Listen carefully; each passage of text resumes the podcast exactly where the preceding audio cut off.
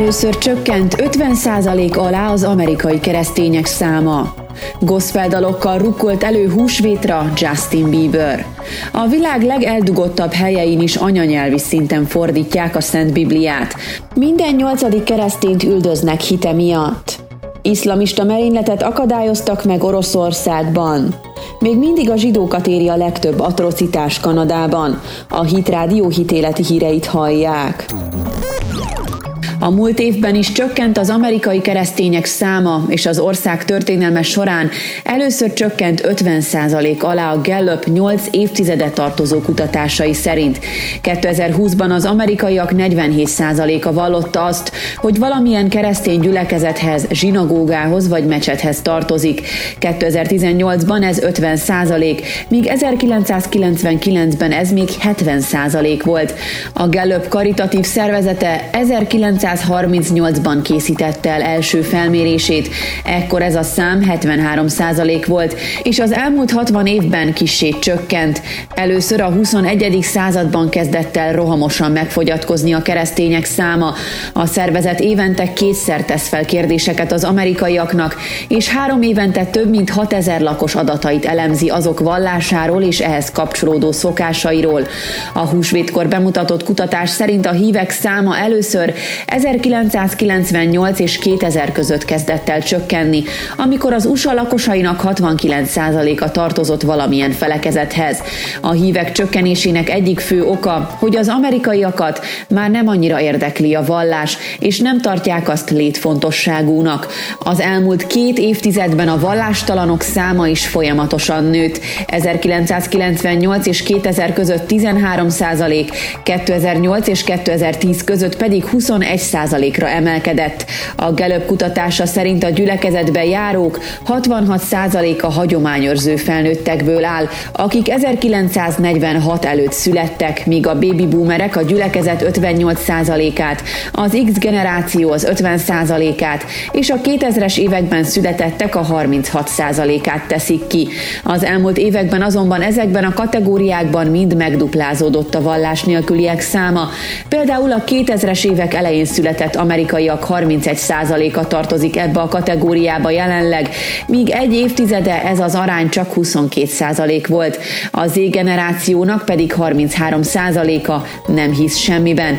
A kutatás kiemeli, hogy nem csak hogy a vallástalanok száma nőtt, de a hívők száma is csökkent. A katolikusok száma 78%-ról 58%-ra esett vissza. Érdekes módon, míg a katolikus egyháznak egyre kevesebb tagja van Amerikában, a protestáns gyülekezeteket kevésbé hagyják el híveik. A legstabilabb tagok a politikai konzervatívok, a republikánusok, a házas felnőttek és az egyetemi végzettséggel rendelkezők közül kerülnek ki. Ezen csoportokból járnak a legtöbbet protestáns gyülekezetbe a déli lakosokkal és az afroamerikai felnőttekkel együtt. A hívek közül a leginkább a keleti lakosok és a demokraták hagyják el a gyülekezeteiket. Gospel dallistát publikált Justin Bieber húsvét ünnepén. A hat dalból álló Szabadság című kis albumot hat különböző keresztény énekessel együtt készítette. Közöttük van Chandler Moore és a többszörös Grammy díjas Tori Kelly is. Bieber az egyik dala végén azokért imádkozik, akik hallgatják a gospel albumát. Imádkozom most minden olyan emberért, aki hallgatja ezt a dalt. Békért, örömért, magabiztosságért, megnyugtatásért imádkozom. Köszönöm Istenem azokat az embereket, akik hallgatják ezt a dalt. Kérlek, hogy áld meg őket, áld meg az elméjüket, a pénzügyeiket, a családjukat, a fiaikat, lányaikat, szüleiket és nagyszüleiket. Istenem, azért imádkozom, hogy a te csodálatos jelenléted járja át az ő otthonukat most, hogy egy olyan béke lehessen velük, amely azt súgja nekik, minden rendben lesz. Jézus nevében így szól az ima. Bieber lelkésze és a Church Home gyülekezet vezetője Judas Smith szintén szerepet kapott két dalban. Az egyikben például Isten szempontjából szólal meg és megnyugtatja a hallgatókat. Megbocsájtatott a múltad, minden rendben lesz. A jövőd biztos, minden rendben lesz. Megbocsájtok neked, én vagyok a barátod, aki közelebb áll hozzád, mint a testvéred. Reggel, ha pedig felébredsz, veled lesz lesz megújult kegyelmem, minden rendben lesz, mondja a lelkész Isten szempontjából. Egy 5 perces videóban Instagram oldalán Justin Bieber elmondja, hogy múlt hét kedden kezdte el a Szabadság című projektjét, amelyet be is fejezett húsvét vasárnapra. Amikor megkérdezték tőle, milyen érzés volt egy ekkora projektet mindössze három nap alatt piacra dobni, azt mondta, Isten nagyon jó, és az ő segítségével sikerült. A világ legeldugottabb helyein is biztosítja anyanyelvű szinten Bibliát fordítók számára a technológiát a Wycliffe Associates, a világ egyik vezető Biblia fordító szervezete. A keresztény csoport nemrég jelentette be, hogy azon fordítóik számára, akik elszigetelt régiókban, szigeteken, internet nélkül élnek, fordítás gyorsító készletet küldenek. Mindegyik 2500 dollárt érő készlet egy olyan Bibliát lefordító szoftvert tartalmaz, amelyre éppen az adott nyelvcsoportnak szüksége van. A készleteket beépített internet kapcsolattal is ellátták. A keresztény szervezet eddig 48 országban 738 nyelvi közösség számára 549 készletet osztott ki. A Wycliffe Associates CEO-ja Tim Nő elmondta, hogy rendkívül nagy szükség van ilyen technológiára, ugyanis az elszigetelt régiókban egyre növekszik a keresztény üldözés. Ha esetleg terroristák találják meg fordítóinkat, vagy tönkreteszik a felszerelésüket, amelyet mi küldünk nekik, a fordítás évek, hónapok munkája biztonságban van, ugyanis ahhoz központilag mi is hozzáférünk, mondta a nő, aki hozzátette, hogy a dzsungelekben, esőerdőkben, hegyes térségekben minden papírra írt szöveg, a nehéz időjárási körülmények, sőt még a bogarak, állatok miatt is veszélyben van. A fordítást biztosító készletünk minden nap elmenti az elvégzett munkát, amelyet a Szent Bibliával kapcsolatban végeznek, jelentette ki. A szervezet kiemeli, hogy csak Indonéziában 12 ezer olyan elhagyatott környék van, ahol 100 nyelvcsoporttal rendelkező közösség él internet nélkül. Indonézia szávi törzsét például csak hajóval vagy repülővel lehet elérni, azonban a Wycliffe Associates segítségével a helyszínen már majdnem teljesen sikerült lefordítani az Ószövetséget saját nyelvükre. Egykor ez egy kannibál törzs volt, amely generációkon keresztül azt tanította a gyermekeinek, hogyan kell gyilkolni. Ma már pedig Isten igéje átformálja a szívüket. A segítségünk nélkül akár még több évbe került volna, míg eljutott volna hozzájuk a Biblia, mondta a szervezet vezetője. A keresztény csoport 2020-ban több Biblia fordítást készített, mint valaha. Az új szövetséget 141, az Ószövetséget pedig 8 új nyelvre fordították le. A világjárvány miatt egyre nagyobb elnyomással kell megküzdenie az Afrikában és Ázsiában élő keresztény közösségeknek. Az Open Doors új jelentése szerint jelenleg közel 340 millió keresztény szenved a vallási diszkrimináció valamilyen formája miatt. A keresztény üldözést monitorozó szervezet húsvéti statisztikái szerint 8 éve folyamatosan romlik a hívők helyzete. Adatai kimutatták 2019. októbere és 2021. szeptember október vége között 4761 keresztény gyilkoltak meg hite miatt, 4277-et börtönöztek be, és mintegy 4488 templomot ért vallási okokból támadás. 2017 és 2021 között ráadásul 8,1%-kal emelkedtek a keresztény üldözéssel kapcsolatos adatok. Idén volt azonban az első eset, hogy valamennyi érintett országban romlott a keresztény közösségekben élők helyzete. A lista vezető 12 országban a helyzet különösen aggasztó, bár a jelentés 50 országot vizsgál. Valójában 74 országban zajlik a keresztény vallásúak üldöztetése. Ez azt jelenti, hogy a világban 8 hívőből egy vallási diszkriminációval szembesül. A karitatív szervezet szerint több mint 10 ázsiai országban súlyosbodott a diszkrimináció a járványkezelés miatt. A keresztény közösségek tagjai például esetenként semmilyen állami támogatásban nem részesültek. Myanmarban, Bangladesben és Indiában is előfordult, hogy csak a nemzetközi segélyszervezeteknek köszönhetően kaptak élelmiszer adományt. A térségben mintegy 200 ezer keresztény esetében sikerült ezzel megakadályozni az elvándorlást.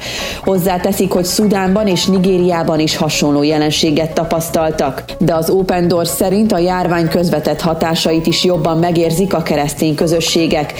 Pakisztánban például a tavaly tovább mélyülő szegénység miatt jelentősen megemelkedett az emberrablások száma, amely elsősorban szintén a keresztény családokat érinti. Becslésük szerint nagyjából ezer fiatal nőt raboltak el és kényszerítettek arra, hogy házasodjanak be muszlim családokba. Kínában a járvány miatt az erősödő állami megfigyelés nehezítette meg a keresztények életét. Az Open Doors szerint a kelet-ázsiai országban a kegytárgyak, például a bibliák elkobzását, a közösség vezetőinek vegzálását és az online misék letiltását is többször tapasztalták a hívek idén. A szintén keresztény üldözés témájával foglalkozó amerikai persecution.org is a napokban mutatta be a statisztikáit, amelyek szerint míg az ázsiai országokban, jellemzően Indiában és Pakisztánban állami, jogszabályi szinten zajlik az ott élő hívők elnyomása, Nigériában már a radikális iszlám mozgalmai miatt erősödik a jelenség. Jó hír viszont, hogy miközben a keresztény üldözés részben a járvány miatt egyre nagyobb méreteket ölt, a nyugati társadalmak kezdik felismerni a problémát. A Persecution közvélemény kutatása szerint míg 2020-ban csak a megkérdezett amerikaiak 41%-a tartotta aggasztónak a globális jelenséget, ez a szám 2021-re 67%-ra nőtt. Iszlamista merénylő rendőrök elleni robbantásos támadását sikerült megakadályozni a Stavropoli területen, közölte az orosz szövetségi biztonsági szolgálat az MTI szerint. A tájékoztatás szerint Kiszlovockban őrizetbe vettek egy 25 éves büntetett előéletű orosz állampolgárságú férfit, aki hétfőn azt tervezte, hogy házilag összeszerelt gránátokkal fogja felrobbantani azt a rendőrséget, ahol a szabadulása után rendszeresen jelentkeznie kell kellett. Elfogták a merényletre készülő gyanúsított három cinkosát is, akik szerepet játszottak a Szíriában harcoló iszlamista fegyveresek anyagi támogatásának megszervezésében. Mind a négy őrizetbe vett férfi, az iszlám állam terrorszervezet követője. A terrorcselekményre készülő gyanúsítottól robbanó szerkezetek alkotóelemeit, robbanószert, szélsőséges irodalmat és bombakészítési instrukciókat foglaltak le a hatóságok. 2019-ben hetente átlagosan ötször érte támadás a zsidóság tagjait Kanadában a rendőrségi jegyzőkönyvek szerint. Ebben az évben összesen 1946 gyűlöletcselekményt jelentettek a hatóságoknak Kanadában, amely 7%-os növekedést jelent az azt megelőző évhez képest. Többek között ez derül ki abból a kormányzati jelentésből, amelyről nemrég az Izrael Hayom nevű hírportál is beszámolt. A rögzített esetekből összesen 608 irányult vallási közösségek tagjai ellen.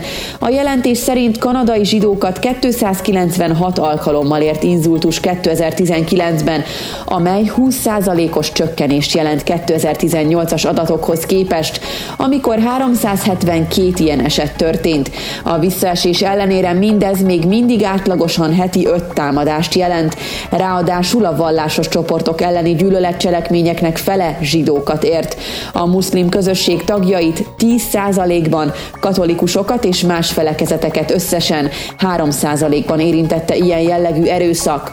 Noha a zsidóság a kanadai lakosságnak mindössze 1%-át teszi ki, az összesített gyűlöletcselekmények 17%-ában váltak célpontokká, írja a neocom.hu. Az eredményeket Simon Kofler Fogel, a kanadai zsidó közösség egyik vezetője megrázónak nevezte. Ugyan üdvözöljük a zsidóság ellen elkövetett bűncselekmények 20%-os visszaesését, a zsidó kanadaiak még mindig a legtámadottabb vallásos közösségnek számítanak, és az összképet tekintve is második helyen állnak, fogalmazott az izraeli és zsidó ügyek központjának vezetője, aki szerint az adatok minden jó szándékú ember számára aggasztóak.